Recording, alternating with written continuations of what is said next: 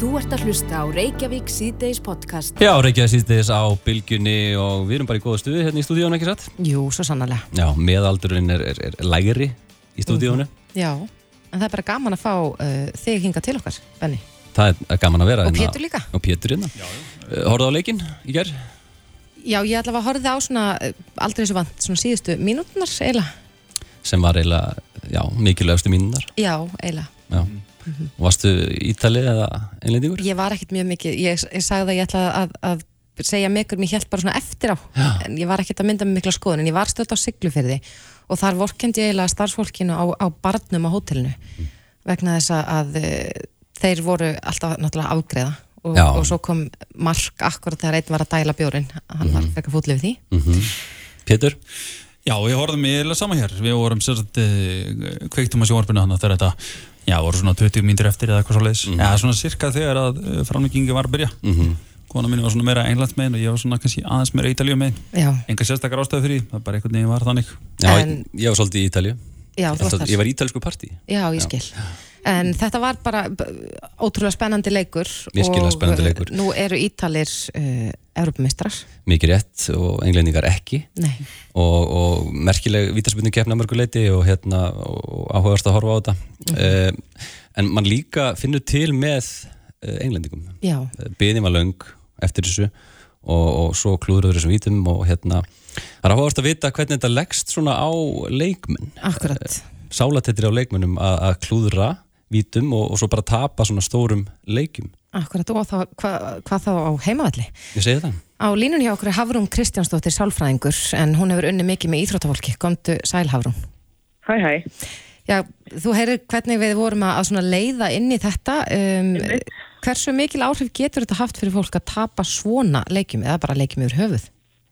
Það getur haft tölur áhrif, sko. Uh, fer náttúrulega eins eftir, náttúrulega, þú veist, það er ekki alveg sambarilegt að, tapa leiki ennsku dildinni uh, og tapa úrslitum uh, í Evropamestramóti, sérstaklega fennanhátt með þjóðina hreinlega á, á bakinu. Það er, það er aðeins meiri pressa.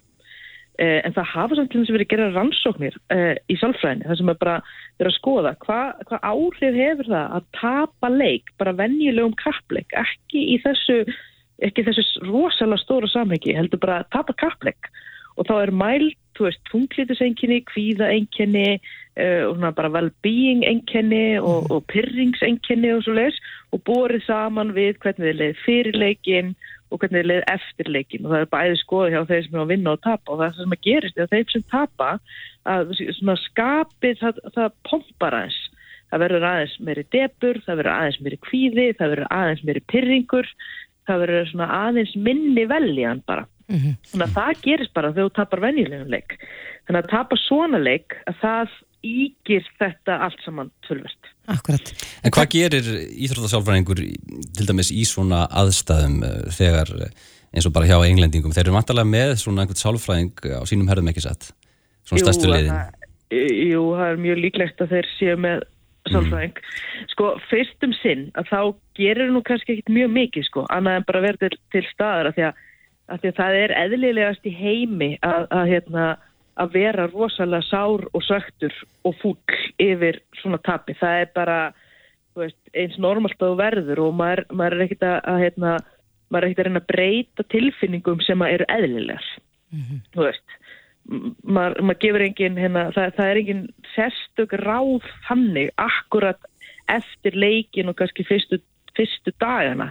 En hins vegar ef fólk nær sér ekki upp úr þessu þú veist, það er bara langt niðri sérstaklega þegar við tala nú um allt sem hefur áhrif á þessu ungu drengi sem að klikku við vítispötunum að þá þarf kannski að, að grípa inn í eh, á einhvern nátt, en það fyrstu dagana þá leifir maður bara, þá bara er í lægi að vera fúll, ég mann hvernig á þeir að líða eiginlega, sko. Já, Þannig mann hérna- var bara sjálfur tapa bumbubolta sko og, og, Já, og það þú er verulega skellur ótt fyrir sálatetri Já, og manni má alveg líða illa stundum í lífinu.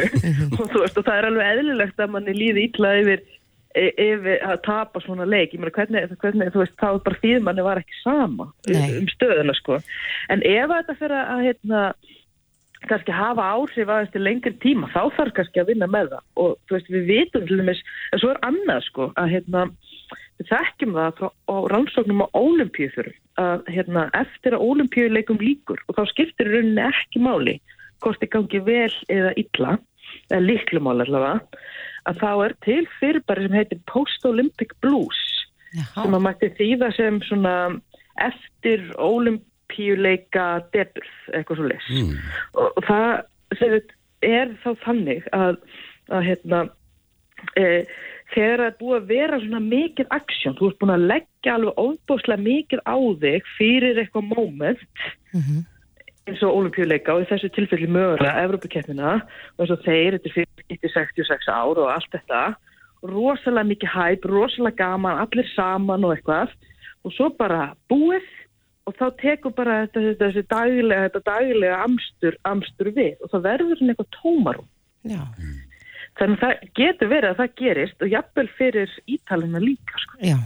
En maður velti fyrir sér okkur, þú myndist hérna áðan á þessa ungu drengi sem að að klúðra víti. E, e- getur þetta bara jafnast á við svona eitthvað áfall fyrir þá að, að, að þurfa síðan að- að taka þessum afleðingum og, og síðan hafa þetta stöðningsmenn verið já, nokkuð harðorðir í þeirra garð eftir leikin?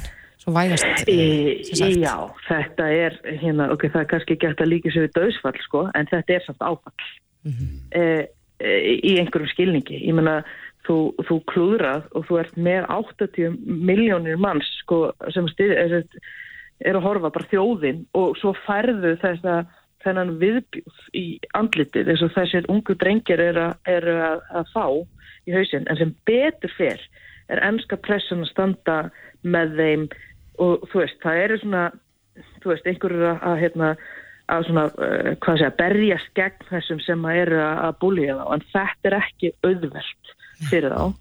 En ef þeir ná að, vinna sig út úr þessu og þá gerir þá þetta þá líklega nú bara andlega sterkari sko.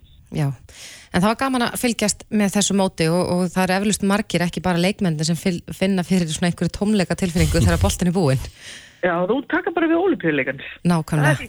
Fyrir okkur hinn, en að sofa selvfæðingarna akkurat, Hafrún Kristjánsdóttir, sálfræðingur, takk kærlega fyrir þetta. Já, takk. Þú ert að hlusta á Reykjavík C-Days podcast. Reykjavík sýtis á bylginu heldur áfram. Uh, á, frá því í síðustu viku held ég þá hefur verið mikið talað um þessar vöggustofur og fleiri ofinbæra uppeldstofnur á vegum Reykjavíkuborgar en þarna var fimm manna hópur sem var vistaður á, á vöggustofum og þeir hafa verið að lýsa skadlegum áhrifum dvalarsinnar á stofnunum í, í viðtölum. En uh, eftir þetta þá hafa komið fleiri stígi fram og, og, og sagt sínar sögur af því að hafa verið þarna á fyrstu æfiárum sínum. Og þá veltum maður því fyrir sér og hefur oft heyrt hversu miklu málið að skiptir svona alls konar tengingar Mm. að tengjast fóröldur sínum, að fá umhyggju og annað slíkt, Um mikið ást og tengsla myndun. nákvæmlega Hinga til okkur er komin Sæjun Kjartansdóttir, sálgreinir, en hún hefur akkurat skrifað bækur og, og rannsakað þetta e, bísna mikið. Komdu sæl. Blessaður sæl. Já, eins og þú heyrir að, að þetta hefur verið mikið umræðan á undarförnu og þarna hefur meira hans verið talað um að, að börn voru jafnvel bara látin liggja löngum stundum í rimlarúmum, lítil umhyggja, lítil snerting og, og þar fram til götum. Uh, Getur þetta skipt máli fyrir fólk svona setna á lífsleðinni? Þetta getur auðvitað skipt gríðarlegu máli af því að ná, hinn náttúrulega umhverfi ungbast það er önnur manneskja. Það, það er fangið hennar, það er lyktin af henni, það er það sem hún gerir fyrir batnið. Það er í þessum tengslum sem að batnið heilið þess þróskast og einmitt hvernig hann þróskast og mótast. Það veldur mjög mikið á því hvernig umhverfin batnið fær. Og það til dæmis skiptir máli hvort að þú ert á valdi streituhormóna sem að náttúrulega maður getur rétt ímyndað sér hversu streituveldand það er að vera algjörlega ósjálfbjarga og hafa engan sem að svara kalliðinu þurru grætur. Eða hvort þú ert í fað með mannesku sem að þykja vendum þig og gleðst yfir þér að þá náttúrulega streyma allt annars konar efni um heilan og líkamann. Og þessi efni, þessi hormón þau hafa beinlinis áhrif á hvernig heilin mótast Já. og það hefur verið sagt að sko tengingar í heila vald, velta miklu leiti á tengingum við annað fólk og það er allt mögulegt sem að þú, ef, ef þú ferð að misi þessa tengingu í, í batnesku, eða fyrst, í talungi fyrstu mánuðin og árin að þú getur auðvitað sem er jafna sig aldrei á því Nei. en það fer auðvitað eftir hvernig er unnið úr því Akkurat. Og er það þá, sko, eftirfylgninni, ef að þú hefur upplifað eitthvað slíkt á fyrstu æfiárunum að, að, að hafa fengið litla umhyggju eða lítil tengsl, er hægt að snúa þessu við? Það fyrir auðvitað eftir á hvaða skala þetta er. Mm -hmm. Af því það tala um að það sé svona ákveðin gluggi þar sem að það eru viss, viss uh, atrið sem verða eiga sér stað á þessum fyrsta árum og sömt er ekki hægt að bæta fyrir. En, en auðvitað er það einstaklingsbundið og ég vil nú ekki vera alltaf alarmerandi en það sem að, það sem að gerist hjá, hjá batni á, á fyrstu mánuðunum er að það getur engan veginn stjórna líðansinni sjálft. Það er algjörlega ósjálfbjörga. Þannig að við erum algjörlega, því fyrst þegar við fæðast þá erum við algjörlega og fyrstu 2-3 árin algjörlega háði að önnur manneski hugsa um okkur og bregðist við þarfum okkar eins og þeir væru hennar eigin. Mm -hmm. Þetta er rauninni krafan sem er gert til fóreldra og þeirra sem að annast ungböðn ef að það er algjör skortur af þessu eins og við erum að eh, heyrum á, á þessum stofnunum og öðrum sem hafa þetta verið út í heimi að það sem gerist, eða hættan er að gerist að ef bat fær ekki þessa svörun að fær ekki hjálp við að, að vinna buga vanlíðan sinni þá, þá er hægt á það loki á bæði umhverfið af því umhverfið er svo ógnandi að það kallað hugróf og líka það loki á sína eigin, eigin líðan af því að hún svo, getur verið svo skjálfileg og ef að það fær ekki hjálp þess að vinna sig út úr þessu að þá sem eldra batn og fullori manneskja þá þýðir það að þessi manneskja hún veit ekki hvernig henni líður því hún hefur ekki aðganga tilfinningum sínum. Akkurat, en þannig er talað um sko bæði að það hefur lítil snerting og, og eins bara tengslamyndun og annars líkt og, og þetta var auðvitað stopnanir eh, sem að börn voru sett inn á er eitthvað eitt sem skiptir meira máli í þessu, er þetta bara sambland af sko, snertingu, uh, augnsambandi og öðru? Það er sambland af þessu öllu, sko. við þurfum á því að halda, eins og ég segja, að önnur manneski tempri líðan okkar, þannig að þegar við, þegar við erum svenga, þegar við erum rætt eða þegar okkur líður illa, að einhver lesi í hvaða er það sem þú þarnast, að það er ekki bara eitthvað eitt, en, en við þurfum líka á því að halda einhver gleðist yfir okkur mm -hmm. því að þannig myndast sjálfsmyndin, þannig fæ ég tilfinningu fyrir því að ég sé elskuverð og ég sé góð manneska til dæmis þannig að, að grunnurinn að, að sjálfsmyndinni er lagður þarna alveg í byrjun og ef ég, ef ég upplifi það aldrei að það er einhver sem verður sérstaklega gladur að sjá mig eða ef ég ger eitthvað að ég fái brós eða strókur eða umpum fyrir, fyrir það að þá vantar mjög mikið inn í mína tilfinningu fyrir minni eigin góð, góðsemi og góðvild En finnst þið vera almenn þekking á þessu hjá til dæmis bara já, fólki sem er að verða fóröldrar að mikilvægi tengslamyndunar? Að því að nú á ég til dæmis eitt lítinn eins ás gamlan og ég vissi og lítið af þessu. Eh, það var ekkert fyrir en ég fór að virkilega lesa bækurnar og, og skoða málinn Mér finnst það orðið, sko, auðvitað fóreldrar hafa náttúrulega ákveði bara einsægi og hyggju vit, en auðvitað það sem við, við komum með inn í fóreldrarlutverki, það er fyrst og fremst það sem við lærtum okkar eigin fóreldrum og það getur auðvitað verið misjamt en mér finnst það var til gríðarlega vakning síðustu svona 5-10 ár hvað fóreldrar eru mjög uppteknir af tengslamyndun og þörfum barnana sinna. Og ég myndi segja sko einstaklingar hafa góða einsýn í þarfir barna en við sem samfélag við erum ekki að taka ná mikið nótis af því. Og við getum auðvitað og réttilega er við hissa og sorgmætt og neyksluð á hvernig var hugsaðum barna þessum tíma en ég held við þurfum líka að horfa á ekki bara alltaf að horfa í baksinni speilin og segja hvað þau voru glötuð á þarna, fyrir 40-50 árum. Mm -hmm. hvað eru að gera núna sem við þurfum kannski að, að, að hugsa betur út í? Heldur að sé eitthvað sem er í gangi núna í, í þessu hefðbundna ja, leikskóla dagmömu umhverfi sem við þekkjum þar sem er verið að hugsa um lítilbörð sem við munum líta tilbaka og hugsa við hefðum ekkert að gera þetta svona Ég er mjög hugsið yfir því til dæmis hvernig við í fyrsta lagi náttúrulega hvað fæðingaróla við stutt mm -hmm. og í öðru lagi hvað tekum við að því loknu að við erum ekki að, að, að taka nú mikið til, til þeirra þekkingar sem við höfum um hvað þessi áskipta miklu máli og hvað samfella í tengslum við fáa útfald að skipta miklu máli við verðumst en þá við höfum okkur svolítið eins og það bara getur hver sem er hugsaða batni þegar það er orðið kannski eins ás mm -hmm. og það getur farið úr einu fangi annað og, og deilt því fangi kannski með fimm jafnöldrum sínum þegar það er ekki nema eins ár gamalt ég held við um eftir að horfa tilbaka og þess að byrja hvað voru við að pæla mm -hmm. En það hefur þá orðið, eins og þú segir, mikil breytinga og þarna er búið að vekja aðtikla á þessum, svona, já, má segja, óæskilum uppheldsaðferðum og ímsu sem var í gangi þarna á þessum árum. Um, erum við ekki komin samt áleiðis? Ég veru komin alveg ljósár frá því sem að þú, þú varst að lýsa því byrjun okkar spjáls. Mm -hmm. Það er náttúrulega, ég held að myndi engum þetta þetta í hug. Þetta var náttúrulega voru vöggustofunar, þetta voru líka barnaspítalarnir þar sem að fóreldra fengi okkur að heimsækja börnin sín nema þið móttu koma og kíkja á þau sofandi og það var þessi hugmyndi með þetta að því að börnin síndu svo mikið tilfinningarlegt uppnám þegar fóreldrarnir færu að það væri betra hlífa en við því en það eru eðlilega viðbröð bara að sína vannlíðan þegar það er aðskilið frá þeim sem að það skiptir máli. Mm -hmm. en, en þetta var ég menna, þetta er náttúrulega ákveðin svona, finnst okkur í dag ákveðin ránkóksun um, við erum hissa á þessi í dag Já. en það er ekkit voðalega langt sér en það var. Nei, en við veitum það að borgin ætlar að rannsaka þess starfsemi þessara vöggustofa og við hefum eftir að sjá hvað kemur út úr því en Sæjan Kjartansdóttir, Sálgrunir Takk kærlega fyrir komuna. Takk sem ég liðis.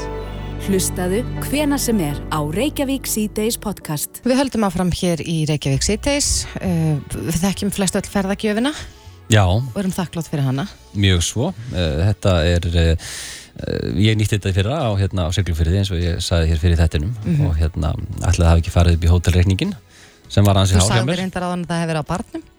Já, við þig, en ég sagði það ekki útvarpinu. En hvað er það?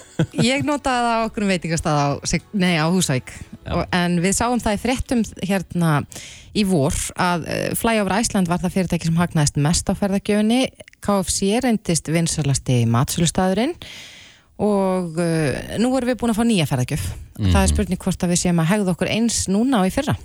Hinga til okkar að komin Andri Heiðar Kristinsson stafræðin leðtu í fjármála efnaðsröðundur, kom til sæl Sælverði Já, nú er ferðargjöfun við, hún var gefin út bara núna í byrjun júni, ekki satt? Jú, passar, hún fór að starna núna fyrsta júni. Og hefur þetta verið svipað á í fyrra? Hægar eða hraðar af stað? Þetta? þetta hefur farið svona örlítið hægar af stað, en gengur samt vola vel. Það er um 70.000 mm. manns nú þegar búin að sækja sér sína ferðargjöf og fyrir eitthvað 360 miljónir. Þannig að fólk er svona, maður sér það að fólk er að sækja þetta aðeins meira jæmt og þjætt núna. Eh, þetta fer svona aðeins hægar á stað eins og ég segi, en svo vitum við líka að þetta er svona áhagast íslendinga hérna, elementið í okkur það voru 80 miljónir sem voru nýttar á síðasta deginum í fyrra. Þannig að við erum svona, það er alltaf ákveldis hópur af okkur sem að nýttar inn á síðastu séns. Akkurat, en sénsin er stittir núna, ekki? Jú, hann er stittir núna, gildir núna út september í ár. Og hvar, eins og sanga tölunum núna, hvar eh, á landinu er verið að eða mest? Sko, er, þetta er nokkuð drift, jafn drift yfir. Mm. uh, Sko, sanga tölunum þá er mest á höfuborgarsæðinu en það er aðeins skjagt í tölunum stundum vegna þess að stundum er þessi stóru fyrirtæki með höfustöru í Reykjavík og þá svona kemur þetta aðeins skakt út, þú getur verið sko fljólega hótel eða stóru hótelinir kannski með hérna sína starfsemi hér höfustöðunar, en mm svo eru þau með hótel út um allt land sem að, að kannski takast, geta verið inn í þessari tölu. Já. en það sem að mér finnst rauninni áhuga að verðast núna, með við, við skoðum sko breyta ferðahegðun frá því fyrra er það í fyrra var eins og núna reynda, þá eru veitingastæðinir efstir en í fyrra var gistingin strax svo eftir, þannig að fólk var að eyða tölvöld miklu að ferðargjöfni sinni í gistingu í hótelin út á landi. Við erum að sjá það breytast núna. Nú er hótelin í fjörðarseti þannig að, að fólk er að afþreyinginni komin upp í annarseti þannig að fólk er núna meira að nýta gjöfuna sína í afþreyingu heldur en hótel. Þannig að það er svona kannski áhugaverð breyting frá því síðasta sumar. Mm -hmm. Er einhver nýliði þarna á svona lista? Já, það eru nýlegar. Uh, sá stæðsti er Skylagún, nýja hérna lónið, hérna út á Karsnesi. Mm -hmm. Það er svona stæðst, hástökkvari ársins í ferðargjöfinni, ef við kunum kalla það sem svo að hérna, þeir eru þarna sterkir og auðvitað mjög mikið af, af litlum fyrirtækjum líka sem koma nýjinn og, og þetta þó að séu sko stórir aðalega hérna efstir að þá dreifist þetta gríðarlega mikið út um alland. Þetta eru 800 fyrirtæki sem er að, að hérna, bjóða upp á að nota ferðgjöfuna mm -hmm. þannig að þetta er að dreifast ansi við. Hafið heyrst í einhverjum af þessum minni fyrirtækjum innan uh, ferðageirans þetta hlýtur að skipta máli? Já, auðvitað skiptir þetta máli. Það, það, það skiptir allt máli og við vitum það líka sem er ferðarkjóðun. Þetta er fimmúskall, þetta er kannski ekki mikið þegar við erum að tala um hérna stóra hótelreikninga eða aftreyingu, dýra aftreyinga en fólki kemur á móti. Þannig að fólk er að eigða miklu herri upphæðum heldur en bara þessum fimmúskalli sem ferðarkjóðunir. Mm -hmm. Þannig að það er líka svolítið mikilvægt, mikilvægt hluti af þessu átaki. Það er að hvetja fólk til ferðarlega. Mm -hmm. Þannig að við sjáum það líka eins og fyrra að þetta hafi gríðarlega góð áhrif á marga aðila og við sáum að það var fullt út um dyrum viða yfir sumarið og það skipti sköpun í eins erfið ári og var í fyrra. Akkurat. En núna eru 70, rúmlega 70.000 manns búin að sækja ferðargjöfuna. Hvað er margir búin að nota hana? Það eru, uh, ég er náttúrulega með nákvæma tölu en ég, mér sýnist að vera svona um 40-50.000 manns af þessum 70.000 sem eru búin að nota hana. Þannig að það er tölveru svona 2-3 sem eru búin að nýta hana og, og það er svona svipa hlutvallu við sáum í fyrra. Það var alltaf fólk byrjað því að sækja hana, svo var það meðan þetta taks, var kannski ekki búið að ákveða hvar það ætla að nota hana og er með þetta á ferðalæginu og, og nýtur það ofta aðeins einna. Mm. Eru, eru allir með í þessu núna eða margir fleirin í fyrra? Það eru svipaður heldarfjöldi og í fyrra þannig að það hafa einhverjir hérna, helst á lestinni en einhverjir nýju besti við. Uh, það er eitthvað örlíti fleiri en, en í heilt yfir þá er þetta mjög sambarlegt og fyrra. Ég veldi fyrir mig hvort að hérna til dæmis eins og ég sé að Tix.is er ofalega á topp 10 listanum. Voru þeir á topp 10 listanum fyrra? Nei, ég alveg að held að þeir, ég tók að mynda því. Ég mm. minnir örglega að þeir hafa ekki verið á topp 10 listanum í fyrra.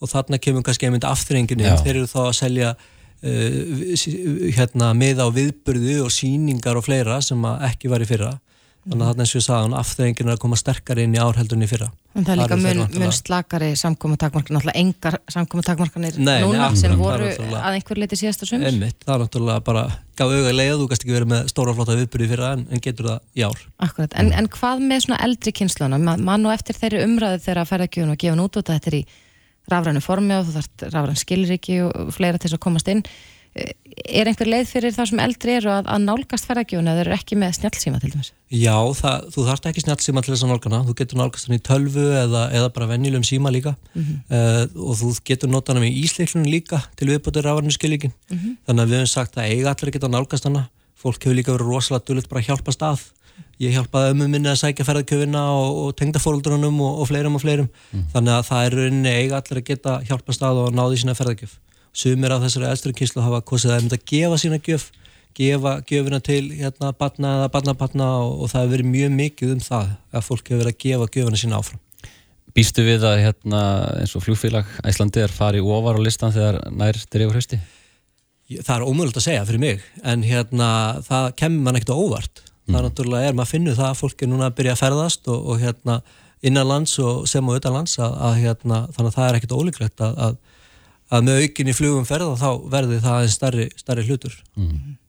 Já, en eins og við sagðum með náðan að þá, þá gildir þessi ferðargjöf bara út september, þannig að það er spurning hvort að verði sprenging í nótkuna ferðargjöf mann rétt undir lok september Já, með, með að vera einslunum fræði fyrra, þá voru öruglega hérna 30. september og þá helgi, síðustu helgina í september, þá voru góð sprenging en það er bara gott, við viljum endilega hvetja alla til að nýta sér ferðargjöfuna þetta er fimmúðskalla mann sem að, skiptir máli fyrir fólk Já. og þetta skiptir máli fyrir ferðarþjónustuna mm. þannig að við viljum sérstaklega hvetja fólk til þess að sækja sér uh, sína gjöf á Íslamúturis eða uh, hlaða niður þessu appi, ferðargjöf mm -hmm. og, og nýtana og nýtana líka hjá þessu minni aðlum út á landi þetta skiptir virkilegu máli þannig að ég hvet alla til að nýta sína gjöf Andri Heður Kristinsson, stafræðið tögi fjármjöla og efnaðsraðundinu, takk kærlega fyrir komuna Takk hjá fyrir. Reykjavík síðdeis á bylginni. En það er ekki bara fókbóltinn sem að einhvern veginn tengist EM, heldur er það líka allar þessar stjórnur sem er inn á vellinum.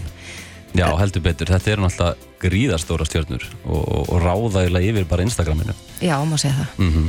En ég gleymiði nú ekki þegar að Ísland var á HM, þegar að Rúri Gíslason gerði allt vittlust. Já, já, já, ég man ekki hvað hann fór hátt upp í, í tölunni, var það ekki miljón eða eitthvað svona? Hann fór upp í þrjár miljónu, held ég. Hann fór svo hátt. Já, en hann er eitthvað aðeins búin að dala aftur. Mm -hmm.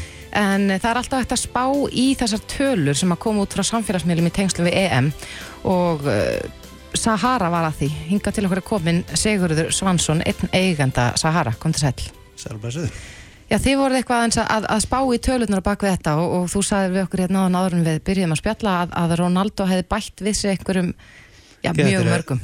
eru, ég held að séu 62 miljónir frá því um áramótin. Það er þokkulega fjöldi sko bara á Instagram. Og er það eitthvað í tengslum við það þegar maður er að færa flöskutar á það frá eða, eða? Sko hann er að bæta vissjálega töluveri fylgi yfir EM bara, ja. þú veist, bara beint en maður er búin að skoða þær tölur. Mm -hmm. en það er augljóst að hérna öll augu eru á honum. Þannig að hérna þegar hann er að gera þessar glóriur með Coca-Cola flöskuna þá, hérna, þá hefur það áhrif. Þannig að Klálega. Eru flestir þessara uh, fókbaldamanna sem eru já, líka virkirinn á samfélagsmiðlum og mm. mjög mikið að fólki að fylgjast með, eru flestir þeirra í einhvers konar markasetningu inn á þessu miðlu? Ekkert, ekkert endilega. Þetta virðist vera svona, þú veist, mikið af mörglu eru að outsourca vinnunni við Instagram-akkantana sína sko. Ég held að maður sjáu það alveg svona nokkuð augljós sko en hérna, en það eru gríðarlega mörg mikil tækifæri sem felast í þessu. Það, þú veist, það var svona rannsóð sem kom núna út rétt við eftir EM að hérna Rónaldo væri komin á toppin á svona Instagram Rich list og það er talið að hann geti verið að rukka alltaf 196 miljónir íslenska króna fyrir eina fæslu á Instagram. Það er þokkulega pinningur sko. Það er, er, er rosa upp að þér það er rosa upp að þér þannig að maður sér alveg, þú veist, þeir leikmenn sem er að nýta sér svona sjónasviði sko, það eru öll augu á þessum leikmennum, við sáum eins og þú kemur inn inn á intróinu, Rúri Gísla, þú veist, ég held hann hafi rókið upp ef ég man þetta rétt, ég var, var mikið að í þessu hvað var þetta ekki, 2018 eða eitthvað? Ég held hann Jú. farið úr 20.000 fylgjendum uppir, uppir miljón og þá voru veðbanka komnir á vagnin, þú veist það sem hún gaf spetta bara hvort það myndi ná yfir miljónuna eða ekki. Þannig að það er búin að falla en hérna hann er enga síður, þú veist, þá er þetta klálega mikil svirði fyrir þessar leikmenn bæði á meðan þeir eru í atunum en á ferðlunum, en líka eftir á því að þeir kannski stopna sér fyrirtæki eða fara ykkur að vöru þróanir eða eitthvað þannig, það er náttúrulega geggjað að vera með þetta sem plattform og geta kannski komið sínu, sínu svona fram bara á mjög einfaldan hátt sko. þannig að En ég velti fyrir mér sko eins og um daginn það var náttúrulega mikið talað um það þegar Ronaldo neitaði að hafa kókflöskurnar í mynd. Mhm. Eh, ætli það hafi verið sko reynilega eitthvað svona eh, statement frá honum út af það er ekki heilbrygt að drekka Coca-Cola eða mögulega bara út af hann er á samning hjá Pepsi. Það, hvað má vita hvað sko. Það getur vel verið sko að hann sé að íta þessu út af Pepsi eins og segir sko. Þannig að ég ætlar ekki að kafa neitt rosalega djúpt í það sko. Nei, hver, hver er pælingir á baka svo er einhverju byrjað að færa náttúrulega bjórin þó hann sé 0,0% og aðrir er að henda ykkur vatniðan inn og svona. Þannig að það eru alls konar, konar tilfæslur hann í frétta, fréttamannaflutningnum sko En hann er auðvarslega alveg á rjúkandi toppnum í, í sem sagt, eh, hver er að followa hann Já. Hann er hvað með 373 miljónir Já, sagt, ef, ef þú tekur saman sko Twitter-akkántir hans líka En- Já, hann er með í þessu. Já, já, Mhm. 312 miljónir Ég kíkti bara á þetta rétt ári hoppaði inn sko Mhm. 300, Hann er komin í 312 miljónir fylgjenda á Instagram Mhm. Ég var að skoða hann bara fyrir 20 síðan Þá hann í 311 þú veist, Þannig að þið sjáu að þetta er ekkit eitthvað Þetta er ekkit eitthvað 10.000 að bætast við sko Svona frá mánuði til mánuði sko. Og svona miðað við líka næsta sem kemur á eftir Já. Kylian Mbappe sem er nú líka bara stór stjarnar Já. Mhm. í fótboltaheiminum og þá er hann með fimm- 56,5 Já. Það er rosalega langt á eftir. Ég held sko að næsta fótballtastjarnar eftir Ronaldo er Lionel Messi. Þannig að hérna sem að kemur inn á hann topp 10 lista sem að var verið að gefa út. En annars eru bara svona stór stjörnur á listanum eins og The Rock og Kylie Jenner og Kim Kardashian og, og, og fleiri svona svona supernöp sem að maður þekki bara úr, þú veist, kannski svona entertainment geranum sko. Já, en var einhver á EM, er einhver svona leikmaður sem að, já, stál senunni er einhver sem að, að mjög margir byrjuð að fylgja eftir EM sem var kannski minna þekktur maður var að reyna að monitora þetta á meðan að EM og við vorum að skrifa þessa bloggrein og svona og pæla þess í þessu. En það var ekkert svona, það var ekkert rúri gísla moment á EM þetta ári sko. Þannig að hérna, ekki nema bara Ronaldo þú veist, það er eini svona leikmaður sem maður hefur séð sem hefur bætt við sér svona gríðalega miklu fylgi en kannski byggust bara allir við, það er ekkert fréttnæmt við það að hann sé búin að bæta við sér 62 miljónum fylgjenda á nokkru mánuðum sko, þú veist þannig að hérna, er áhugaður sko. En maður sér kannski, maður sér hérna að það eru fimm ennskir leikmenn á Já, listanum. nákvæmlega. Hefur það eitthvað með að gera að þeir komið svona langt inn í úrstaleikin algjörlega, þú veist, við sjáum líka bara þú veist, hérna, ég tók líka hérna, tók svona screenshot af, þú veist, akkántinum hjá Sviss og hvað heitir eftir markmaðurinn hjá Sviss? Jan alveg- Sommer. Já, Sommer, já, hann bæti líka við sér tölvöru fylgi eftir hann ver spyttuna og Já, hérna, þannig að maður var að screenshot því að svona tölur kom ekkert endilega live inn í svona his, his, svona söguleg gögn á netinu þannig að maður þurfti að vera skjáskotas í rauntíma sko. Þannig, að, þannig að allt sem þú gerir, það er allir að fylgjast með og það vilja allir svo sjá hvað hva gerist í framhaldinu sko, þannig að algjörlega. En eh, þið voruð, út frá þessum upplýsingum, að þá byggu þið hjá Sahara til reiknivél sem Já. er verulega áhugaverð, en, en þið kallið þetta Ronaldo vísitöluna, Já. hvað hvað er það? Þetta er basically bara í sinni einföldustu mynd þá tökum við bara hvað hann getur verið að rukka fyrir hverja fæslu versus hvað hann er með marga fylgjendur og finnum þá bara út stuðulinn og gerum þá bara einstaklingum kleifta og henda bara inn hvað þeir eru með marga fylgjendur og sjá hvað þeir getur rukka fyrir eina fæslu út frá þessum gögnum sem að er búið að henda fram sko. heldur það sé raunhæft fyrir íslenska áhrifavalda að, að nýta sér þetta til þess að mm. rukka fyrir sína þjónustu? Ólíklegt, en, en þetta er enga, enga síðan mjög skemmtilegt og gaman að pæli þessu, en og því að myndbyrting er ekkert bara myndbyrting, þú veist, mm -hmm. það er ótrúlega mikil vinna sem getur farið í eina fæslu, þannig að þetta er ekkert, en þetta er svona einföldustu mynd, ef þú skoða bara alla stjórnstöðuna, þá getur gefur þetta svona kannski einhverja vísbendingu hvað þú getur verið að rukka. Akkurat, ég er allavega, ég hugsa ég ætla ekki að segja upp vinnunum minni. Nei, þú talir góð. Ég er bara góð með Já. við þessar tölur. Ég er allavega seint rík og það verður Instagram. Ég get slegið þess vinn hvað ég er með hérna. Ég er nú ekki, ekki þættu fyrir að vera mikið á samfélagsmiðlum en, en ég er hérna með 1500 uh, hérna, fylgjendur og ég get drukkað heila 945 krónur Það er svo les mm. Þannig að ég er að fara að gera einhverja samninga við eitthvað fyrirtæki ha. þannig að ég get sagt sínt en þetta og bara hefði þetta Já. svona kostar kallin sko. Þú getur búið þetta sem bara svona auka mm. Þannig að og það er þá ekki dýrt. Nei, það er ekki dýrt, en, en svo er náttúrulega einstaklingar í Íslandi sem eru með hátt í 20.000 og, já, og já. þeir geta þá rukka til dæmis ef við slæði, slæði hérna inn 12.600 krónur fyrir fæsluna mm -hmm. Algjörlega. Eh, Þetta er ekki droslega háar upp að þér, ég held að þetta myndi vera miklu, miklu meira. 100% En hvernig og... er markaðurinn, til dæmis ef við bara lítum á íslenska áhrifavalda. Mm -hmm. þetta eru ekki rauntölur fyrir, fyrir hvað það kostar að fá áhrifavald til þess að þú tekur myndaði að droppa inn með minimum effort en mm -hmm. þú veist, maður fylgist með áhrifavöldum eins og tökum sér dæmi bara Ásu Steinar sem er mikið í ferðageiranum, Alex Green mm -hmm. og fleiri ótrúlega mikil vinna og góð vinna sem fer á baku hvert ein, einustu fæslu þannig Já, að, að þú ert að borga fyrir sköpun, sköpunna og allt þetta þú veist sem er á bakufæsluna en ekki Akkurat. endilega fyrir myndbyrtinguna sjálfa kannski. Nei Þannig, og allir búnaður sem þessu fylgjum að sér að allir konum með dróna og, og eftir gott. Algjörlega en þú veist ef maður skoðar, þú veist maður fór bara að skoða íslensku áhrifavaldana hverju staðstir og það er þú veist Mountain, ég held að hann sé með 3,5 miljónu fylgjenda á Instagram mm -hmm. uh, þú veist hérna crossfit stjórnuna allar, það eru yfir miljón þannig að mm -hmm. ef þú tekur bara sem dæmi Katrín Tönni, 1,8 miljón hún getur rukkað þá 1,1 fyrir eina myndbyrtingu Akkurat. út frá þessari vísitölu. Og þú veit með Ásu Steinar sem að geti held ég, ég held að hún sé slefið 300 skall, Akkurat. þú veist fyrir að byrta eina mynd út frá þessu. En almenningu getur farið sjálfur hérna inn á, á sahara.is, skástrygg, Instagram reiknivél og, og kynnt sér þetta allt saman Já. og, og sláðinn sína tölu. Sjá hvort það sé eitthvað potensiál hana. Já, akkurat. Sigur Svansson, einn eigunda Sahara. Takk kærlega fyrir komuna. Já, takk fyrir Þetta er Reykjavík C-Days podcast. Reykjavík C-Days á bylginni heldur áfram. Eh, fyrir ekki svo lengur síðan þá heyrðum við í, í þingmanni miðflokksins og vorum að tala um eh, íbúðir íbúðalánasjóðs. En á árunum 2009 til 2019 leisti íbúðalánasjóður til sín alls 4210 íbúðir sem voru seldar á, á fúlgur fjár.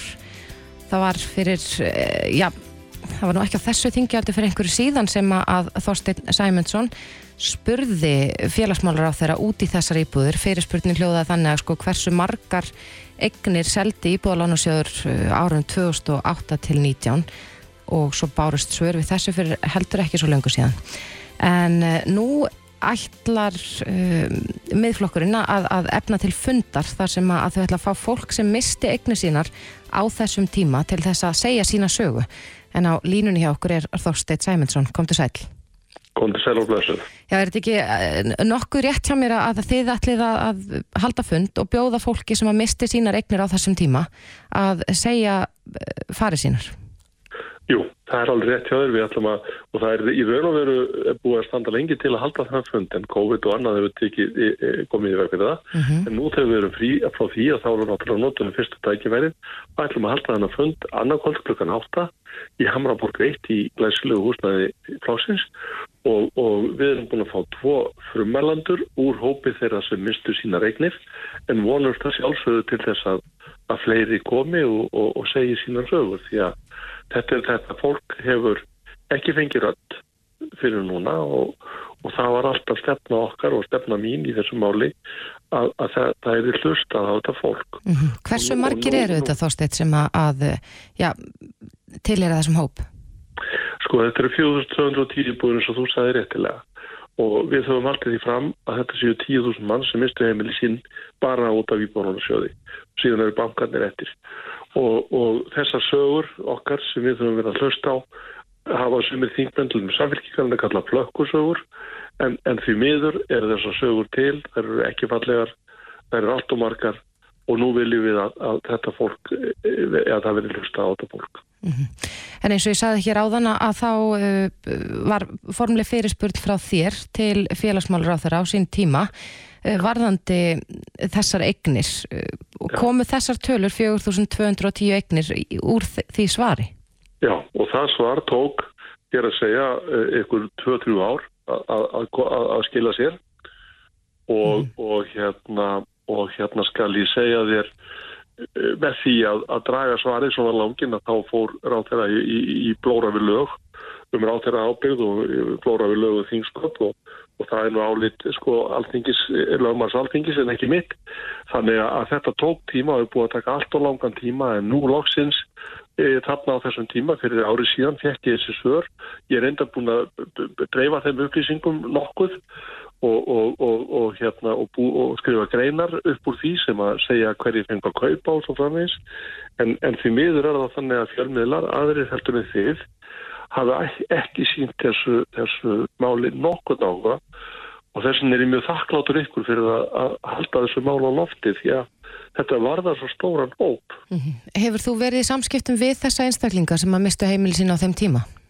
Já, ég er, búin að hitta all nokkuð af þessu fólki, ég er búin að vera í símasambandi, tölvunettssambandi við það, ég er búin að hlusta á þessar sögur uh, hjá all nokkrum, það eru allar eins og ég segi ljótar, uh, það er búin að fara illa með fólk, uh, ég efast um að, að, að, réttir, réttur eins og til dæmis uh, hérna samkvæmt stjórnstíslu lögum hafi verið uppfylltur í, í öllum tilfellum uh, um, um leiðbeiningar og, og, og svo framvegis og, og, og uh, það, það er búið að misnota neyð þessa fólks.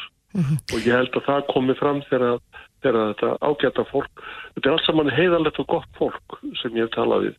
Það er engin óregla, ekkert sem að, sem að sem þetta fólk gerði ránt annað heldur en verðin að koma sér upp þækja við höfuðið, hófsömu en því miður misti svo misti svo hérna eigni sínar í, í, í, í, fangi í Bórarsjóðs Já. E- Er, er hljóðið þeim betra í dag, svona einhverjum árum síðar, hefur fólk náða að koma undir sér fótunum á ný? Örfáir sem ég hef heyrt í hafa, hafa náð því. Og til dæmis get ég sagt er að, að og það kom mér meira sér óvart að skuldaleiritingi sem var gerð á sínum tíma hún gagnaðist e, hluta þessa fólk sem átti íbúðir akkurat á þessu ári 2009 sem var viðmiðunar árið þó að það hefði mist íbúðina síðar þá fekk sumt af þessu fólki sér leiðritingu og gæti komið undir sér fótunum. En síðan er verið að bjóða fólki upp á úrræði núna eins og þú veist sem eru svo kvöldur hluteldarlán í, í húsnæði. Og íbúðir sem uppfylla þau skilir er ekki til í Reykjavík. Og, og ég heyrði einmitt í konu sem að er í þessum hópi að hafa mist sitt húsnæði á þessum tíma. E, og það er búið að segja við hana þú getur fengið húsnæði fyrir þig í Þorláfsöfn eða Njáðuvík einhver stað þar sem að hendar henni ekki sko. Og ég er ekki að tala þess að staði niður en það bara hendar henni, gerir yfir fjörskilduna og, og, og, og, og fara og það er eins og fjölmark, það bara hendar ekki öllu fólki að, að fara hér út fyrir borgina af því að það er ekki hægt að finna hér íbúðir í bænum í borginni sem að uppfylla þessi skiliri þannig að með þessum skilirum sem sett eru til dæmis um að íbúðar í Reykjavík verði að vera nýjar en ekki út á landi að þá verða að búið til mismunum þannig að í raun og veri er þetta hlutdeldar uh, lána mál uh, ómerkilegt kostningaplan, ég verði að segja það því miður. Já. En þessi fundur er á morgun klukkan 8 í Hamraborg, ekki satt? Já, Hamraborg 1, þriðju hæð klukkan 8, allir velkonum með hús, húsum leifir og ég vona við um hérna, hreinskiptar umræður og, og ég skal segja þetta, þetta ágæta fólk getur komið sínum sjónamiðum og sínum sögum á fram. Já, Þorstein Sæmundsson, uh, þingmaður miðflokksins, kæra þakki fyrir þetta. Takk að ég kella og þakka okkur fyrir áhuga sem við sínum þessu máli. Já, verður sætt. Reykjavík síðdeis á Bilginni podcast. Reykjavík sittiðis á bylginni heldur áfram. Ég rakst á fréttjarnin á mbl.is þar sem er verið að tala um að óprútnir tölvuþrjótar lokuði Instagram-reikningum að minnst okkursti þryggja hvenna um helgina í auðgunarskinni. Já, Mari hverki óhulltur? Nei, heldur betur ekki. Nei og við höfum svo sem talað um það oft hér í Reykjavík sittiðis að, að, að það skiptir máli að vera með svona hluti á hreinu. Ég einhvern veginn hef alltaf haldið að það myndi enginn hafa áhuga á því að hakka sig inn á mitt dót en, en, en svo sá maður það nú vel þegar að það var þetta þegar kynverðinni byrjuði að stela allskynns upplýsingum af allskynns Íslendingum að, að það var nú bara hver sem er þar undir Já, já, við erum ekki skipta máli og kvatarnir hjá þeim eru bara alls konar. Nei, en þetta var kannski nokkuð um, óhugnulegt vegna þess að sanga þessar frétt þá settu þessir hakkarar upp eftirlíkingar í nafni fórnarlampana og ætluðu með þeim að ná fjö frá ástunum þeirra. Þannig að þetta getur skipt máli. Mhm. Á línunni hjá okkur er Valdimar Óskarsson, hann er framkvæmdastjóri Sindis. Kom til sæl. Já, komið sæl. Já, þið sísli við svona netöryggismál alla daga. Er þetta algengar en maður heldur að, að, að það sé verið að reyna að hakka hinn á þessa aðgangamanns? Já, ég held að sé alveg ótt að segja það. Það er ekki allt sem kemur í fjölmjölum, en það eru, eins og nefn, nefnt þarna á hann, það eru margir kvatar á baku þetta og oftast er það eitthvað sem er eitthvað sem er fjármálulegt, eitthvað sem er verið að kúa fólk og reyna að fá okkur pening. En hvernig tekst þeim til? Eru margir sem falla í þessa gildru? Maður hefur nú líka oft heyrt af svona póstum sem maður fær senda og á að smetla okkur hlekk og, og jafnvel að setja um kortaupplýsingar. Er, er fólk, já, auðtrúið þessum skilningi? Já, við erum eiginlega að segja það vegna þess að, að þetta var ekki til staðan ef einhverju var að falla í grifjuna og þetta er bara tölum við business svona ef maður, ef maður slettir og, og, er bara vaksandi þannig að að fólk er oft auðtrúa og kannski óupplýst og búin að vera með sömu aðganga í mörg ár, aldrei breytt um líkilorð og, og annað, annað slikt. Og er einhverju fleiri kvatar en, en bara einhverju svona peningalegir kvatar? Ég held að það sé nú aðalega það sem leiðir menn áfram en síðan getur þetta bara verið persónlegt, það er kannski verið einhver, einhver þjóðþættur íslendingur sem hefur gert eitthvað á hlut einhvers og, og þá er kannski verið að beina spjótum að slíkum aðlum. Mm -hmm. Maður einhvern veginn sér fyrir þess að þetta séu alltaf einhverjir einstaklingar út í heimi. Eru til íslenskir aðila sem eru í, í svona þarna, málum að, að vera óbrútnir að, að stela leikilorðum öðru? Þetta er kannski erfið spurning en, en, en af hverju ættu Íslandingar að vera heilar en aðrir sko. Mm -hmm. Ég, ætlum samt að segja að ég þekk ekki til þess. Jú, það hafa komið upp einhver nöfn í gegnum árin um einhver aðila sem er að gera svona hluti og þetta er nú ekki að nefna þau nöfn en það hefur náttúrulega verið í fjölmjölum en, en enga sigur þá held ég að þetta sé ekki stóriðnar á Íslandi bara sögum þess að það þekkja allir alla sem slíkt. Akkurat. En hvert er þitt mat svona þegar hjá Sindis er það sísla mikið við þetta? Uh, eru Íslandingar já, ekki, ég ætla kannski ekki að segja allir, en eru við mm, ekki nógu örug? Þyrftu við að læra aðeins betri siði inn á þessum miðlum að vera með tvíþátt og auðkenning og, göttum? Ég held að það sé alveg ljóst og svo náttúrulega bara ein megin regla eins og þú nefndi sjálf að fólk er að smetla á einhverja linka sem er í e-mailum fólk ánáttúrulega helst ekki að gera það. Ef að menn er að fá einhverja linka um að endur setja leikilorði eitthvað frá einhverju þjónustum þá eiga ekki að gera það í gegnum tölvupóstin og linkana sem koma þar heldur fara beint inn á heimasíðu hjá einkomandi þjónustæðala Mhm. og þarna kannski uh, nýlega dæmi sem að voru mjög algengið sem er póstin að það er líka hluti sem að fólk þarf að skoða og, hugsa áður en það smellir Og ekki að treysta kannski að, að þessi póstur fari bara rækliðis í spam möppuna? áttu við þegar þú sendir sem þú sendir frá þér eða hvað? Nei, ég meina sem ég fæ sendt til mín að hérna, oft á tíðum er, eru þeir póstar ef þetta er einbett árás og þá yfirleitt flýgur þetta undir alla ratara í spamvörnum. Ef þetta er aftur á móti eitthvað sem er sendt á miljónir fólks út um allan heima þá er nú póstvarnir mjög fljótar að loka það En hver er svona helstu ráð, ráðin til einstaklingar sem eru kannski ekki mjög vel inn í þessu? Uh, á maður reglulega skipt um líkilorð til dæmis eins og inn á samfélagsmiðla? Sko, þetta, þetta verða tvennu sögum að því. Ef að líkilorðin eru flókin og góð að, og þá hérna er erfiðar að, að, að hérna, það sem við kallum að krakka þau, menn ef að það er innbrot í eitthvað fyrirtæki eins og það er típist í LinkedIn eða Instagram eða hvað það er og ef að líkilorðin leka þá leka þau dulkóðuf og ef þau eru flókin, það vil segja meira en 10-12 stafir, þá er mjög erfitt að, að, að, ná þeim tilbaka, þannig að þetta misnota þau. Þannig að líkilatrið er að vera með löng líkilorð, uh, nota líkilorða svona geimslur sem að býr til líkilorð fyrir mann og, og manðu fyrir mann, því að við vitum það alveg að við munum ekkert mörg líkilorð. Nei. Þannig að það er svolítið tendens að fólk noti bara eitt líkilorð á alla þjónustur eða tvö. Og svo er náttúrulega mjög mikilvægt að nota tvíþáttuðu kynningu og svo ef við komum að samfélagsmiðlum þá er mjög mikilvægt að, að menn nota ekki eins og Facebook til þess að skrá sig fyrir öðrum þjónustum. Já, en er, er það ekki nokkuð algengt, Valdimar? Jú, jú, en ef þú missir Facebook-akkántin þá ertu búin að missa allt sem er þar fyrir aftan. En ef þú ert með tvíþáttu auðkenningu líka þá hjálpar það gríðarlega mikið og gerir fyrirtækjum svo okkar mjög erfitt að, að hakka fólk. Sko. Akkurat. Já, ég held að ég get nú alveg talað fyrir sjálfum að ég hef notað sama leikilorðið í, í svona cirka 20 ár og ég trúi varlega að ég sé að útvarpa en ég ætla ekki að segja hvað það er og akkurat nota líka Facebook til þess að logga mig inn á, á allt annað. Nánast. Já, ég held að margir líka noti alltaf uh, tvö leikilorð sem sagt ríf upp gamla leikilorði þegar hérna maður áfara að setja nýtt. Já. Mm. Já, líka þannig sko að við, við höfum séð það í okkar vinnu þegar við erum að, að, að sækja svona að svona göllum að krakka þau að afkóða þau Uh -huh. þá er mjög ofta fólk notið sumar 2020 sem breytist kannski í haust eða vor 2021 og Mm. svo bæti fólki tölustað fyrir aftan eða upprúfunamerkið eitthvað svona þannig að það er svo ágískanlega ef eitt er lekið þá er, svo, þá er þetta leiða líkum að því hvað er næsta líkilóð sem fólk hefur valið Já. Mm. Þannig að hástafir, langt leikilorð, tölustafir, þetta er allt gott. Já, sko, í raun eins og tölvurna vinna þegar verið að afkóða svona leikilorð og skiptir alveg litlu máli hvort það sé hástafir, lástafir og tákn og eitthvað. Já, stafróð er bara ákveðið lang. Mm -hmm.